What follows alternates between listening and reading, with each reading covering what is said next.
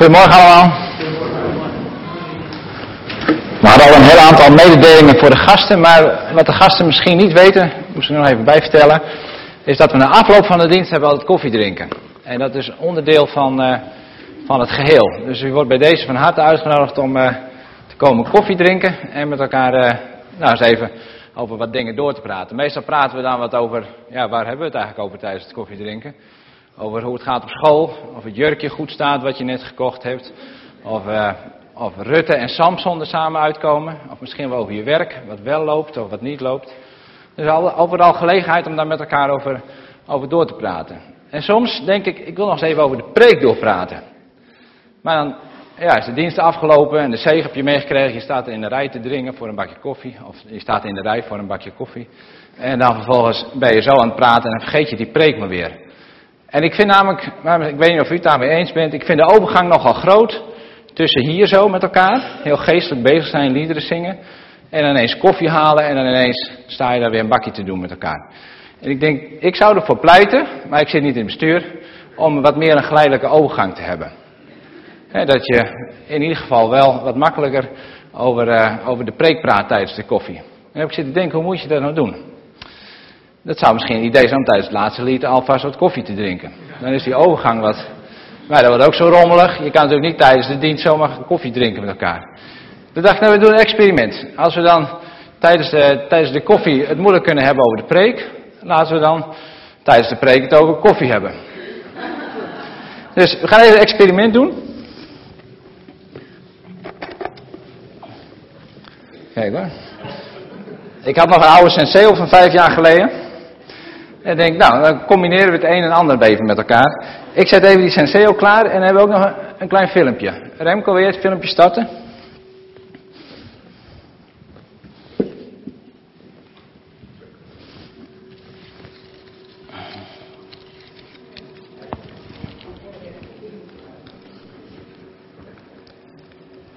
Hij moet wel even warm worden. Philips, dat bedrijf roept een miljoen Senseo koffiezetapparaten terug vanwege een veiligheidsrisico. Het gaat om bepaalde Senseo modellen die zijn geproduceerd tussen juli 2006 en november 2008. Tot nu toe heeft zich in Nederland slechts één storing voorgedaan die geen ernstige gevolgen had. Maar Philips wil alle risico's uitsluiten. Nou, wat, wat ik gedaan heb is de wateruitlaat, die heb ik verstopt. Dat simuleer ik dus mee alsof je door kalk verstopt zit. Dus daardoor moet de druk zich op blijven bouwen. En normaal gesproken zou dan een temperatuursensor, die hier zit, een overbeveiligings, overtemperatuurbeveiliging, die zou in moeten gaan op het moment dat de temperatuur te hoog wordt en dan wordt die uitgeschakeld. Nou, als die sensor kapot is en die uitlaat zit verstopt, dan zal hij dus de druk op blijven bouwen en dan zal waarschijnlijk de, de boiler gaan barsten. Dat proberen we uit. Na één minuut probeert het water een uitweg te vinden die hoorbaar krap is. Denk om een goed effect te krijgen door het toetje misschien anders doen. Dat lijkt uiteindelijk te lukken, maar dan wordt het stiller.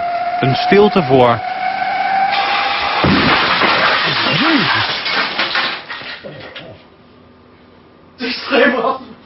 De techneut, ik en de cameraman staan verbijsterd te kijken. Had u dit verwacht? Nee, dit is wel heel extreem. Wat is er nou gebeurd? Eh, nou, als we goed kijken, dan is het reservoir van het boiler, omdat het uit twee delen bestaat, is die verbinding die is verbroken. En daardoor, door de te hoge druk, is die uit elkaar geklapt. U snapt wel waarom ze ze terughalen? Ja, dat snap ik nou wel. Nou, hij staat klaar inmiddels. De Philips Senseo. Zullen we het maar doen? Dat is wel lekker. Ga je kijken of die werkt. Oh, wacht, doe ik hem weer uit, druk de verkeerde knop.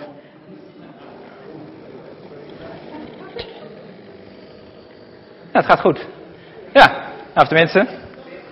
Je weet het eigenlijk niet. Het is een heel mooi apparaat, hè, zo'n Senseo. Als je zin in koffie hebt, dan, uh, anders, vroeger moest je met die, uh, met die filters en dan uh, heel veel gedoe. Hier stop je gewoon een paar van die pads in en wat water achterin en de koffie druppelt er zo uit. En je hebt koffie met elkaar. Geweldig. Sorry? Ik vind het ook lekker ruiken ook. Ja. Nou, niet iedereen zie ik. Nee, nee. Nou, ik weet, ik weet niet precies wat erin zit. Nou, echt best denk ik. Ik weet niet. Maar ze hebben wel, uh, wel, wel koffie met elkaar. En we hebben net een filmpje gezien. Dat het eigenlijk, dit zijn wel hele mooie apparaten. En je kan er wel heerlijk van genieten met elkaar. Maar eigenlijk zijn het ook hele gevaarlijke bakjes eh, koffie. Of heel gevaarlijk als je daarmee bezig bent. Philips roept een miljoen, of riep een miljoen eh, van, van, eh, van deze apparaten terug. Eh, omdat de kans niet zo heel groot, 3 op de miljoen. Nou, eentje was inmiddels ontploft, er zijn nog twee over. Ik weet niet of dat al gebeurd is of niet. Maar die heeft Philips teruggeroepen om, eh, om allemaal weer te maken. Volgens mij heeft Maria er nog een baan aan overgehouden. Klopt dat? Heb jij daar, Maria heeft die dingen allemaal gerepareerd. Nou, een aantal van die miljoen gerepareerd. En, eh, maar het blijven gevaarlijke dingen. Nou, die koffie, het is zonde om koud te laten worden. En de oudste verdient een hele zware taak. Dan wij vast een bakje koffie. Dit is een beetje een experiment of het een beetje werkt, hè? En dan moet natuurlijk nog in het bestuur en op de ledenvergadering allemaal nog besproken worden of het allemaal wel mag. Maar ondertussen gaan we. Dan grijpt die oudste van dienst niet in, dat scheelt dan weer. Nou, alsjeblieft, hè? Nou. Dus Philips is druk bezig geweest eh, om al die oude apparaten weer binnen te halen. En die hadden ze niet alleen in Nederland verkocht, die hebben ze over de hele wereld verkocht. Dus ze hebben een heel groot logistiek opgezet om de hele wereld bekend te maken dat het met die eh, Philips Senseo-apparaten niet zo heel goed ging. En dat die, eh, een, aantal, een, een, een aantal series die moesten terug naar Philips en die moesten allemaal weer, weer gemaakt worden. En dat is best een hele klus geweest voor hun om dat voor elkaar te krijgen. Maar als u zo'n apparaat in huis had, dan was voor u natuurlijk de keus, van ga ik hem nou inleveren of niet? Wat een drukte. Kan ik twee weken lang geen koffie meer zetten en dan moet ik het weer op een andere manier doen. Ehm, nou, de, voor iedereen de keus om dat ding in te leveren of niet. Nou, de Philips Senseo. Toen ik daar wat mee bezig was, toen dacht ik, er zit wel een hele mooie gelijkenis tussen de Philips Senseo en ons eigen leven. En daar zou ik het vanochtend met u over willen hebben. Over de Philips Senseo, hoe, die, hoe geweldig dat ding is eh, en de mens eh, die daar heel veel op lijkt. Want als we naar de mens kijken, als we naar, ons, naar onszelf kijken, naar, naar onze omgeving kijken, dan zien we dat wij mensen eigenlijk hele mooie mensen zijn. We zijn hele mooie. Kijk maar eens rond. U ziet ontzettend mooie mensen hier om u heen. En we doen ook ontzettend hele, hele, hele mooie, dingen. Mensen die ziek zijn, die sturen we soms een kaartje. Als we de buren hulp nodig hebben, dan gaan we naar de buurman toe, gaan we boodschappen voor iemand doen. We zijn actief in de kerk. We spelen muziek, we doen kinderwerk, we maken schoon, we zijn kosten. We zijn met heel veel mooie dingen, mooie dingen bezig met, met elkaar. We doen hele mooie dingen. Net zoals zo'n koffiezetapparaat hele mooie dingen doet. Uh, koffiezet. Ik zie dat ik niet aan mijn koffie toe kom. Willem, wil jij nog een bakje? Want ik, en ik heb er geen melk in gedaan. Maar hij smaakt heel goed, want die melk die was heel erg hard. Maar hierachter is wel koffiemelk, ja. Dus je doet hele mooie, uh, mooie dingen en wij mensen doen ook vaak mooie dingen. Maar als we verder een beetje doorkijken, net zoals we bij zo'n apparaat een beetje doorkijken, dan komen we ook achter hele vervelende dingen die in ons zitten. Hele vervelende dingen, dingen waar we helemaal niet blij mee zijn. En zoals er een, een klein draadje los zit bij dit apparaat, zit er bij ons ook een, een draadje los. Ja, bij ons zit ook een draadje los. Want we willen wel heel veel goede en mooie dingen doen. En we doen ook wel een heel aantal van die dingen. Maar er zit ergens een steekje los bij ons. Want soms doen we dingen die we eigenlijk helemaal niet zouden willen doen. Dat we mensen kwetsen. Dat we mensen pijn doen. Dat we goede voornemens hebben om, uh, om, om, om iets goeds te doen. Maar uiteindelijk komt het er niet van. Uh, thuis probeer ik geduldig te zijn met, de, met de kinderen. En dat lukt zo af en toe best wel. Maar zo af en toe lukt het ook helemaal niet.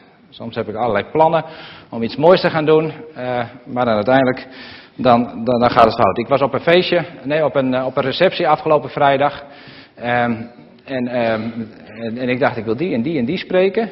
En ik zag ook een paar mensen die denken, oh, ik hoop niet dat ze mij aanschieten, want met hen wil ik even niet praten. Nou, ben ik zo'n vriendelijk mens die dat natuurlijk al wel weer doet, weet ik wat. Maar in mij zitten dingen die echt niet sporen. Want ik denk, jongens, dat zou zo niet moeten. En dat wil ik uiteindelijk ook helemaal niet. Dus aan de buitenkant zie ik er mooi uit en aardig, maar als we eens even binnenkijken bij onszelf, dan zien we dat er ook heel veel dingen mis zijn, dat er heel veel dingen, dingen scheef zijn. Als we kijken wat de Bijbel over ons zegt, nou, dan weten we heel veel, heel veel mooie teksten, heel veel mooie dingen van elkaar te noemen. Dat God ons heel waardevol vindt, dat hij ons kostbaar vindt, dat hij ons geweldig vindt. En als we verder lezen in de Bijbel, dan komen we ook teksten tegen uh, waar God naar ons kijkt en dat hij er helemaal niet blij van wordt. Dat er ook heel veel dingen bij ons mis zijn. We hadden het over David, we hebben een lied gezongen over David. David, een geweldige koning die heel veel mooie dingen deed. Maar als we verder zijn verhaal lezen, dan zien we ook dat hij in hem dingen zaten die goed scheef zaten. Dat hij met een vrouw naar bed ging, terwijl dat helemaal niet zou moeten. En er staan allerlei verschillende teksten en ik wil één tekst met u lezen. En dat is dan misschien ook wel een van de heftigste teksten, maar dan, uh, dat is Romeinen 3. En deze keer dus geen tekst over hoe waardevol en kostbaar u bent, want dat bent u. Maar hoe, het, hoe God ook tegen ons aankijkt. Romeinen 3, vers 10.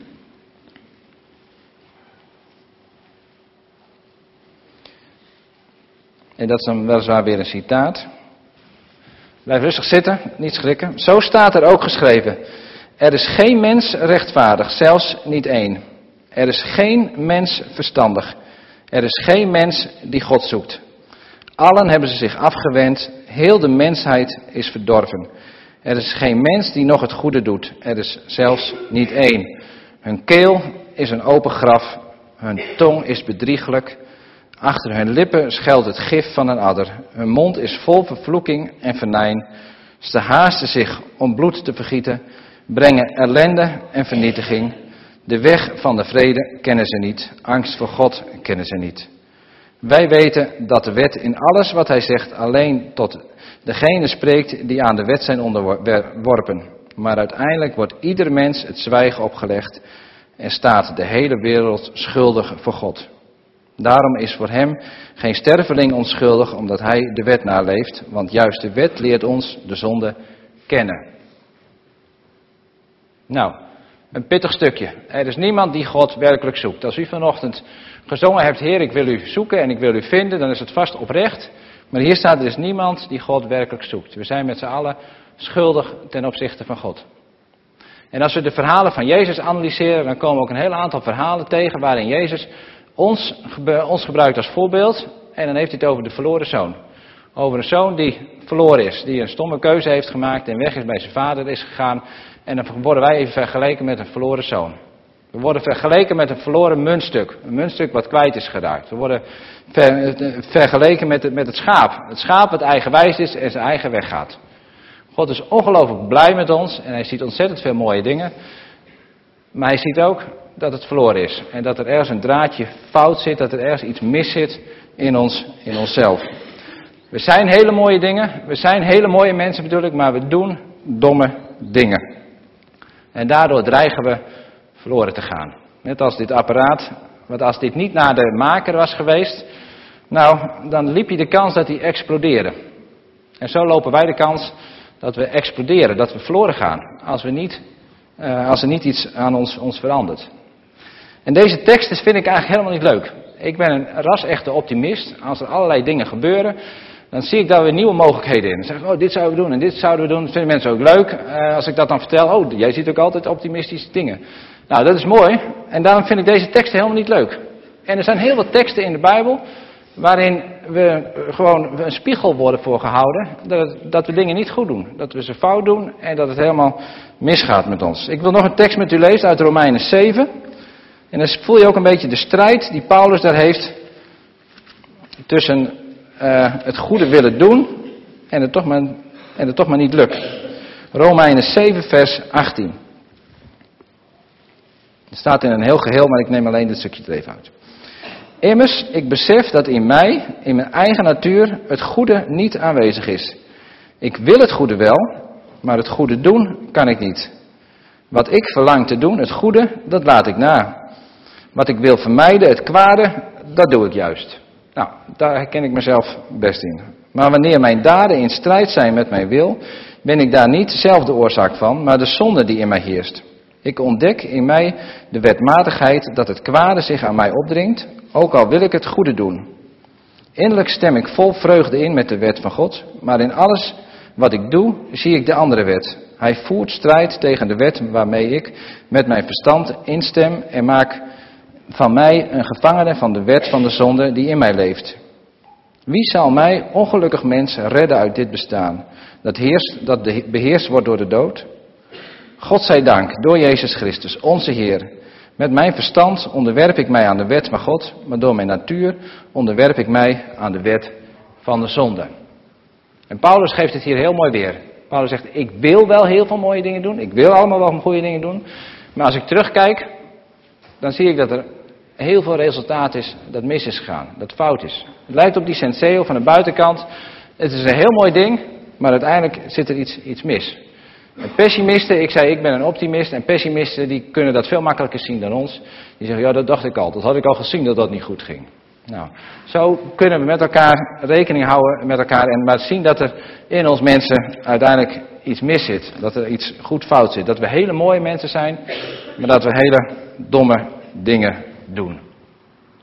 En daarom is God begonnen met zo'n terugroepactie. Zo'n terugroepactie, net als bij Philips, uh, om het bekend te maken, om terug te keren naar Hem. Om terug te komen bij Hem, om, uh, ja, eigenlijk moeten we gerepareerd worden. We moeten van binnen weer, weer gemaakt worden. Die fout die daar zit, die moet hersteld worden. En in bijbelse termen heet het dan uh, genezen, heet dat dat je geheeld wordt. Maar we moeten gewoon gerepareerd worden. Er is van binnen in ons is iets mis. Zoals Romeinen 7 staat, de macht van de dood heeft invloed op ons gekregen. Die heeft invloed gekregen. We waren oorspronkelijk goed en het was heel mooi. Maar de dood heeft invloed gekregen, de zonde heeft invloed gekregen op ons leven, waardoor we nu allerlei dingen doen. En zijn we niet als meer een genot, maar zijn we ook een gevaar geworden. Gevaar voor elkaar, dat we exploderen en dat het misgaat. En misschien herkent u in uzelf wel de mooie dingen, maar misschien wat minder de minder mooie dingen. Praat dan eens even met de buurman zometeen tijdens de koffie. Praat eens even met je echtgenoot, met je kinderen. Dan kom je er ook wel achter dat er dingen zijn die niet helemaal deugen. En dat er explosiegevaar is in feite. Het kan misgaan met ons. We kunnen verloren gaan. Als we niks doen, dan gaat het mis met ons. Dan kan het heel goed misgaan. Maar wat gaat er dan veranderen in ons leven? Wat gaat er dan veranderen? We willen terug naar God, we willen gaan terug naar Hem. Hij wil ons repareren. En wat gebeurt er dan in ons leven? Nou, er staat een hele mooie tekst in Ezekiel 36, vers 26. Eh, Waar heb ik die staan? Dat is het. Nou, ik, ik heb hem hier even geprint. Er staat: Een nieuw hart zal ik je geven. En een nieuwe geest in je binnenste. Het hart van steen zal ik uit uw lichaam verwijderen. En het hart van vlees zal ik je geven. Ons hart is is versteend, ons hart is verkalkt. En God wil ons een nieuw hart geven. We, gaan, we krijgen een, een, een, een, operatie van binnen. En ons hart wordt langzamerhand veranderd. In het hart wat hard geworden is, wat van steen geworden is, wordt weer een hart zoals God het uiteindelijk bedoeld heeft. Een hart wat, wat koud is geworden, wat koude, koude uitwerkingen heeft, krijgt weer een hart wat warm wordt en wat weer mooie uitwerking zal krijgen. En het is Gods verlangen dat wij teruggaan naar uh, de ontwerpen, dat we teruggaan naar de fa fa fabriekshal en, en dat we onderhanden genomen worden door hem. Maar het is natuurlijk wel u en mijn eigen vrije keus. Om te zeggen, ja, dat wil ik ook gaan doen. Ik wil teruggaan om het te laten repareren. Maar je kan ook zeggen, ik doe niks. En dan loop je het risico dat je explodeert. En dat het fout gaat. En dat het verloren gaat. Dat je verloren gaat. En het verlangen van God is om dat bekend te maken door de hele wereld. Zoals eh, Philips uh, reclamespotjes heeft gemaakt, zoals Philips een website speciaal heeft gemaakt, eh, PR heeft gemaakt om het bekend te maken. Zo maakt God vandaag de dag bekend aan ons dat we teruggaan naar Hem om gerepareerd te worden, om een nieuw hart te krijgen. Misschien kent u het gedeelte uit Galaten 5, Galaten 5 vers, vers 16 en vers 22. Misschien is het goed om even te lezen. Galaten 5 vanaf vers 16. En dan zie je wat voor gevolg het heeft of je nou vanuit het koude hart gaat leven of vanuit het warme hart gaat leven. Als God in ons bezig is om ons hart helemaal van binnen in ons te veranderen, dan gaat het ook veranderen en dan gaan mensen om ons heen dat ook merken. Gelaten 5 vanaf vers 16. Ik zeg u dus, laat u leiden door de geest, dan bent u niet gericht op uw eigen begeerten. Wat wij uit onszelf najagen, is in strijd met de geest. En wat de geest verlangt, is in strijd met onszelf. Het een gaat in tegen het ander. Dus u kunt niet doen wat u maar wilt. Maar wanneer u door de geest geleid wordt, bent u niet onderworpen aan de wet. Het is bekend wat onze eigen wil allemaal teweeg brengt. Ontucht, zedeloosheid en losbandigheid. Afgoderij en toverij. Vijandschap, tweespalt, jaloezie en woede, gekonkel, geruzie en rivaliteit, afgunst, bras en slempartijen en nog meer van dat soort dingen. Ik herhaal de waarschuwing die ik al eerder gaf. Wie zich aan deze dingen overgeven, zullen, gaan, zullen geen deel hebben aan het koninkrijk van God. Maar de vrucht van de geest is liefde, vreugde en vrede, geduld, vriendelijkheid en goedheid, geloof, zachtmoedigheid en zelfbeheersing. Er is geen wet die daar iets tegen heeft. Wie Christus Jezus toebehoort, heeft zijn eigen natuur met alle hartstocht en begeerte aan het kruis geslagen. Wanneer de geest ons leven leidt, laten we dan ook de richting volgen die de geest ons wijst. Laten we elkaar niet uit eigen waan de voet dwars zetten en elkaar geen kwaad hart toedragen. Nou, hier zie je de manier voor als je gewoon door gaat leven en je niet laat repareren, dan leven we op een manier zoals we dat altijd gedaan hebben. Vanuit onze oude natuur, zegt de Bijbel. En er komen allerlei dingen naar boven die we eigenlijk helemaal niet willen. Dan worden we afgunstig, dan worden we egoïstisch, dan willen we niet vergeven, dan worden we boos op andere mensen. Uh, dan leven we vanuit onze oude natuur. Maar God wil ons hart van binnen veranderen, Hij wil ons repareren, Hij wil dat steekje wat bij ons los is, wil hij weer herstellen. En langzamerhand stroomt dan het nieuwe leven in ons en wordt het hart wordt steeds meer een hart van vlees. En dat gaat niet altijd van de ene dag op de andere dag, maar het verandert wel in ons leven. Waardoor we steeds makkelijker lief kunnen hebben. Waardoor we steeds beter kunnen vergeven. Waardoor we geduldig kunnen zijn. Waardoor kwaad omgezet wordt in liefde. Waarin ongeduld omgezet wordt in geduld. En waar egoïsme omgezet wordt in, in dienstbaarheid. God wil ons repareren. God wil ons, ons van, van binnen veranderen. En daarom was ik ook blij met het, met het getuigenis wat we gehoord hebben van mevrouw van der Veen. Die beste man die ontdekte uh, dat, dat hij moest vergeven. En hij vroeg om vergeving. En toen kwam hij bij God. En God repareerde hem een klein beetje. Waardoor hij een heel ander mens werd. En zo kunnen we hopelijk uit ons eigen leven voorbeelden noemen. Dat toen we ons lieten repareren door God, dat we van binnen veranderden. Kennen we misschien mensen om ons heen die veranderd zijn doordat Jezus hen heeft aangeraakt, doordat ze van binnen veranderd zijn. Wij zijn christenen en we, we, houden van verandering. We houden van dingen die, die veranderen, omdat God ons van binnen veranderen, verandert. We zijn heel mooi van buiten, maar van binnen doen we domme dingen. We doen domme dingen, maar God wil dat steeds meer in ons veranderen. En er zijn heel veel voorbeelden uh, te noemen. En zo worden we steeds meer schoongespoeld. Als we aangesloten worden op die bron van God, dan is, het, is Hij het die met het water ons hart steeds meer reinigt en zuivert.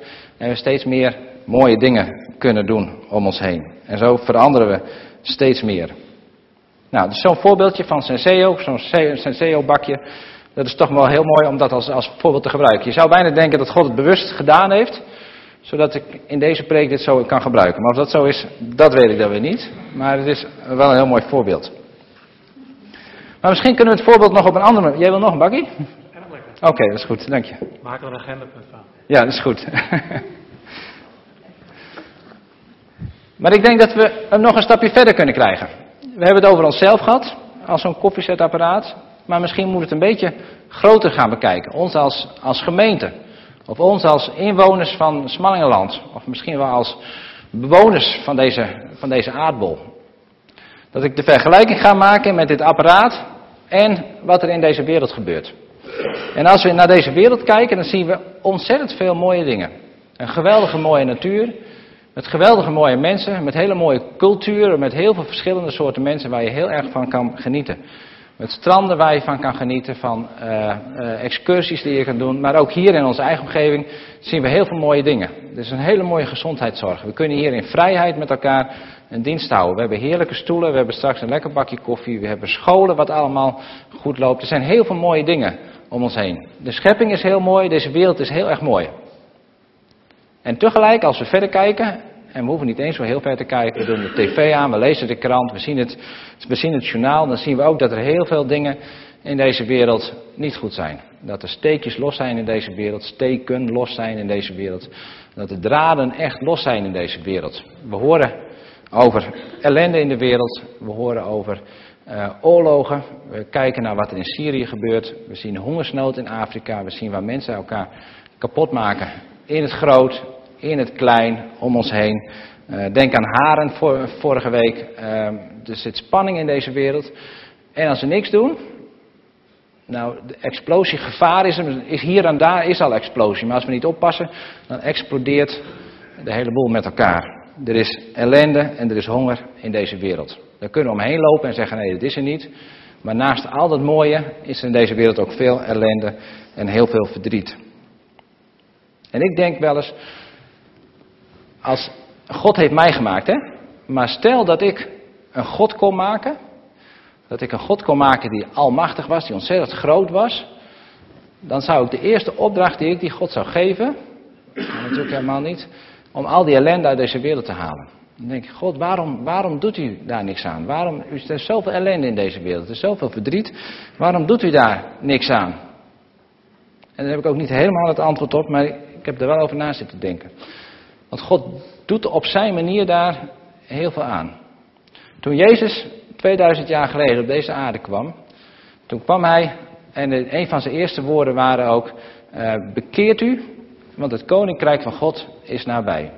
Jezus leefde dat koninkrijk van God, die nieuwe principes van het nieuwe rijk van Hem, dat leefde hij uit. En hij genas zieken, hij bedaarde grote stormen die anders eh, het bootje misschien hadden om, omgegooid. Hij bracht vrede en leerde ons om geduldig te zijn, om vriendelijk te zijn en om in harmonie met elkaar te leven. Gods eerste stappen heeft hij gezet. En toen hij aan het kruis hing, toen zei hij, het is volbracht. En heel eerlijk gezegd denk ik, hij zei het is volbracht, maar als ik nu om me heen kijk, dan zie ik dat het helemaal niet volbracht is. Dan denk ik, het is helemaal niet volbracht. Er is nog steeds ellende, er is nog steeds uh, honger in deze wereld en mensen maken elkaar nog steeds kapot. Maar tegelijk zei hij, het is volbracht. En ik denk, en dat lees ik in de Bijbel ook, is dat God ons terugroept en dat wij naar Hem terug moeten gaan, dat Hij ons herstelt en dat Hij via ons, via degene, via die burgers van het Koninkrijk van God, wil Hij hoop geven in deze wereld. Wil Hij toekomst bieden in deze wereld. Wil Hij vrede brengen in deze wereld. God zijn werk is volbracht. God heeft net als, dan ga ik dit parallel even trekken met die Philips. Philips heeft alles bekendgemaakt en heeft gezegd, kom terug met die apparaatjes, wij gaan ze maken en dan komt het weer helemaal goed. Explosiegevaar is over en uit. En God heeft tegen ons, en door zijn zoon te zenden, heeft hij tegen ons gezegd, kom maar terug, laat je herstellen. En door al die mensen die hersteld zijn, bouw ik mijn koninkrijk en wil ik vrede brengen in deze wereld. Wil ik egoïsme omzetten in dienstbaarheid. Wil ik haat omzetten in vrede. En zo is God bezig om ons terug te roepen. En aan ons is de keus, aan jou is de keus, aan mij is de keus om terug te gaan naar God. En zeg van Heer, wilt u mij van binnen helen? Want als u het niet doet, dan ga ik kapot. Maar als wij het met elkaar niet doen, dan gaat deze wereld kapot. Ik verwacht het nog wel eens van God. Van Heer, waarom u het niet allemaal? Maar God heeft ervoor gekozen om via jou, via mij, via u aan het werk te gaan in deze wereld. En vrede en hoop te brengen. Dat is wat God wil doen. Via jou, via jou, via jou, via mij. Vrede brengen in deze wereld. Dat is Gods manier om deze wereld te veranderen. Om het via jou en mij te doen. En dat vond ik een hele mooie ontdekking. Ik denk, via, via mij wil God het doen. Via jou wil God het doen. Ik ben een paar weken geleden ben ik bij een lezing geweest van Herman Wijfels. Nou, een aantal van u kennen misschien Herman Wijfels wel. Die is topman van de Rabobank. Uh, de man die denkt in Brussel na over allerlei uh, belangrijke zaken. Heeft in Beetse Zwaag ook Balkenende 1, 2, 3 of 4 aan elkaar gepraat. Uh, we weten wel dat de regering kwam met ChristenUnie. Daar was hij bij om dat voor elkaar te krijgen. Um, en hij had een, een verhaal over, uh, over deze wereld. Hij zei, ik ben degene die nadenkt ook over de toekomst. En hij zei, er zijn, op dit moment zijn we in staat om op twee verschillende manieren deze wereld te laten verknallen, te laten exploderen. Die woorden heeft hij niet gebruikt, maar die passen mooi bij dit Senseo-verhaal. Er zijn twee manieren waardoor we deze wereld kapot kunnen maken. En de eerste plaats is door kernbommen.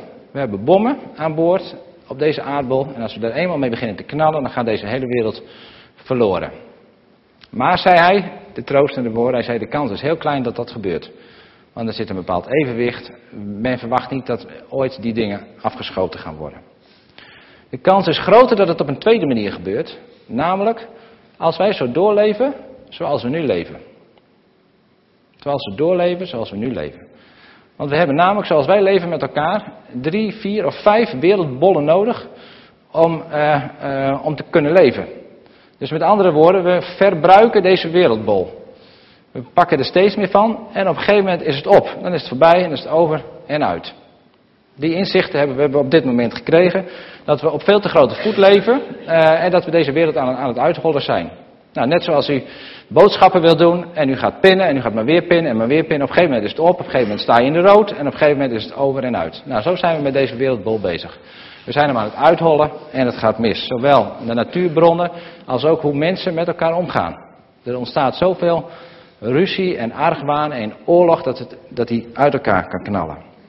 En dat was een inzicht van Herman Wijfels, van iemand die daar heel veel verstand van heeft. En eigenlijk zegt hij dus, deze wereld staat op exploderen. Als wij zo doorgaan met elkaar. En daarom hield hij een heel uh, betoog over, over duurzaamheid. Nou, duurzaamheid, dat kent u waarschijnlijk wel, misschien wel eens gehoord. Maar heel veel bedrijven, in de, in de samenleving is een hele beweging op gang om meer duurzaam te zijn. Om meer, om verantwoord om te gaan met deze planeet. Of zoals mensen het ook wel zeggen, van hoe geven we deze planeet door aan onze kinderen?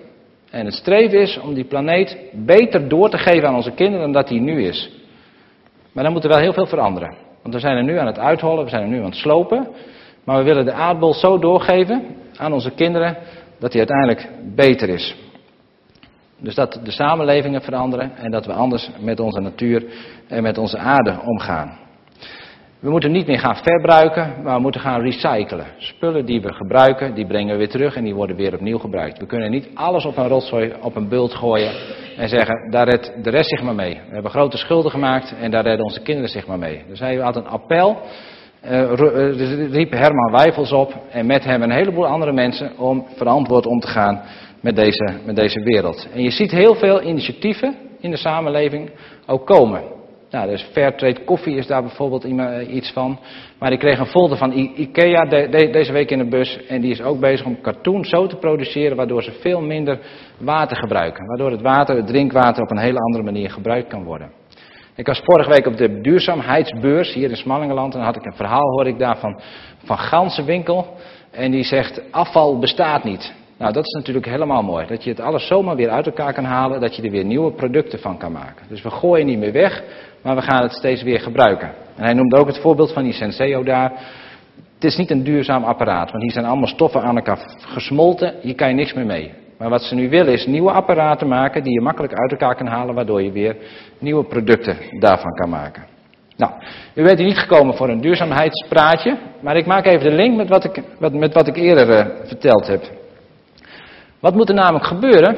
U en ik, wij moeten van binnen veranderen. Wij moeten veranderen van binnen. Willen wij deze aarde duurzaam maken? Willen wij deze aarde op een goede manier doorgeven? Willen we met elkaar verder kunnen gaan leven? En daarom ben ik ook zo enthousiast over dit thema, waar mensen, uh, waar, waar, we in de, in de, in de samenleving mee bezig zijn, op het thema van duurzaamheid. Want ik denk dat we hier als kerk en als christenen een hele belangrijke rol in kunnen spelen. Want wij zijn expert, of wij hebben de know-how, laat ik het zo zeggen. Wij weten hoe mensen moeten veranderen. Wij weten hoe mensen kunnen veranderen. Wij weten hoe mensen die egoïstisch zijn en denken, nou ik red alleen met mezelf en de rest kan me niks schelen, hoe die kunnen veranderen. Namelijk door terug te gaan naar degene die ons ontworpen heeft. Dat we teruggaan naar God en zeggen, wilt u mij van binnen veranderen? Wilt u mijn hart van binnen veranderen? Zodat ik op een andere manier naar mensen om me heen kijk, zodat ik op een andere manier met deze wereld omga. Minder ik gericht, maar meer hoe gaan we met deze wereld om? Toen ik een aantal jaar geleden het woord rentmeesterschap hoorde, toen dacht ik, waar gaat het over? Wat is dat? Maar het woord rentmeesterschap heeft alles te maken van hoe gaan wij om met de schepping die God ons gegeven heeft. Over anderhalve week is er een avond hier in, in, in de gemeente ook, dat gaat over rentmeesterschap. Hoe gaan wij met deze aardbol om? Nou, hartstikke leuk denk ik om daar, daarbij aanwezig te zijn, want het is een heel bijbels thema. De duurzaamheid, dat woord staat misschien niet in de Bijbel, maar het heeft er wel alles mee te maken. God heeft ons vanaf het begin al aangezegd van je moet zuinig zijn met deze aardbol. Dus we kunnen als kerken, we kunnen als christen in onze eigen omgeving een leidende rol spelen in het hele duurzaamheidsvraagstuk en daarmee bezig gaan. Want wie is er nou echt duurzaam? Wat is duurzaam? Duurzaam is iets wat een hele tijd meegaat, wat heel lang meegaat. Nou, als iemand duurzaam is, dan is het God wel. God bestaat al. Nou, zeg het maar. Al, al, al eeuwen. Het, bij hem heeft geen tijd. Gods koninkrijk bestaat al 2000 jaar. Gods koninkrijk is, eh, is vol, vol met duurzaamheid, is vol met uh, langer, uh, langer bestaan, met, met, met eeuwig zijn. Dus het koninkrijk van God heeft er alles mee te maken. God zelf heeft er alles mee te maken. En God wil helemaal niks. Wil helemaal niet dat iets verloren gaat. Hij wil helemaal niet dat u en u verloren wordt. Van Gansenwinkel roept, er is geen afval. Maar God roept al jaren, ik wil helemaal geen afval. Ik wil dat niemand verloren gaat. Ik wil repareren en ik wil dat je een nieuw mens wordt en dat je verandert en nieuw bent. En zo mogen we denk ik, en dat is een oproep naar u en naar mij, om in de eerste plaats zelfs terug te gaan naar God. En zeggen van Heer, wilt u mij, boem, wilt u mij van binnen veranderen? Wilt u mijn hart veranderen? Want als u die keuze niet maakt, als ik die keuze niet maak, dan blijf ik knokken om het allemaal maar weer anders te doen. Terwijl God mij van binnen wil veranderen en zegt ik wil het je een stuk makkelijker maken. Niet dat het dan in één keer gebeurt en dat het allemaal heel makkelijk is, maar God geeft ons die mogelijkheden. En die voorbeelden zien we om ons heen, hoe mensen veranderen. En in de tweede plaats mogen we daardoor als kerken, mogen we als christenen veranderende mensen in deze samenleving zijn. Waarom de, deze samenleving langer houdbaar is, zoals God het uiteindelijk wil. En dan kunnen we aanhaken, of zij haken op ons aan, dat maakt hem niet uit, maar dat we met elkaar daar, uh, nou dat we in dat hele duurzaamheidsgebeuren, want je kan natuurlijk ook heel veel verkeerde dingen over zeggen, van dat mensen willen het allemaal zelf. Maar dat we daar niet negatief op insteken, maar dat we zeggen, daar weten wij een oplossing voor. Wij weten iets geweldigs, hoe we deze wereld duurzaam kunnen maken. Laat je repareren door God en word burger van het koninkrijk van Hem. En, uh, en, en, we worden duurzaam met elkaar. Je hebt een eeuwig leven. Dat houdt maar niet op. En als je zo tijdens de koffie dan wat praat over uh, Mark Rutte en Samson, of zij de wereld misschien nog een beetje zouden kunnen veranderen. Uh, of dat je het hebt over, over je werk, dat je baas allemaal dingen doet waar je denkt van nou, dat is slecht, of weet ik wat allemaal. Dan mogen we weten dat de wereld verandert en die begint bij jou. En die begint bij mij. En die begint bij Jezus Christus. Die ons van binnen verandert en ons wil verlossen uit die benauwde situatie. En het begint het bij een stukje verootmoediging bij onszelf. Wanneer we zeggen van Heer, we doen zo ons best en we willen het zo graag. Maar dat lukt me niet. Ik geloof dat we allemaal mooie dingen willen doen. Dat we er allemaal graag willen zijn voor de ander. Dat we liefdevol willen zijn, dat we geduldig willen zijn. Maar dat we er steeds ook weer, als we eerlijk kijken naar onszelf, erachter komen, het lukt niet. Ik kan het niet voor elkaar krijgen. En dat we bij God zeggen, Heer, het lukt me niet. En hij zegt, fijn dat je erachter komt, wat fijn dat je bij mij komt, want ik wil je repareren. En zo wil God deze, door jou, door mij heen, deze wereld repareren. We met elkaar bidden.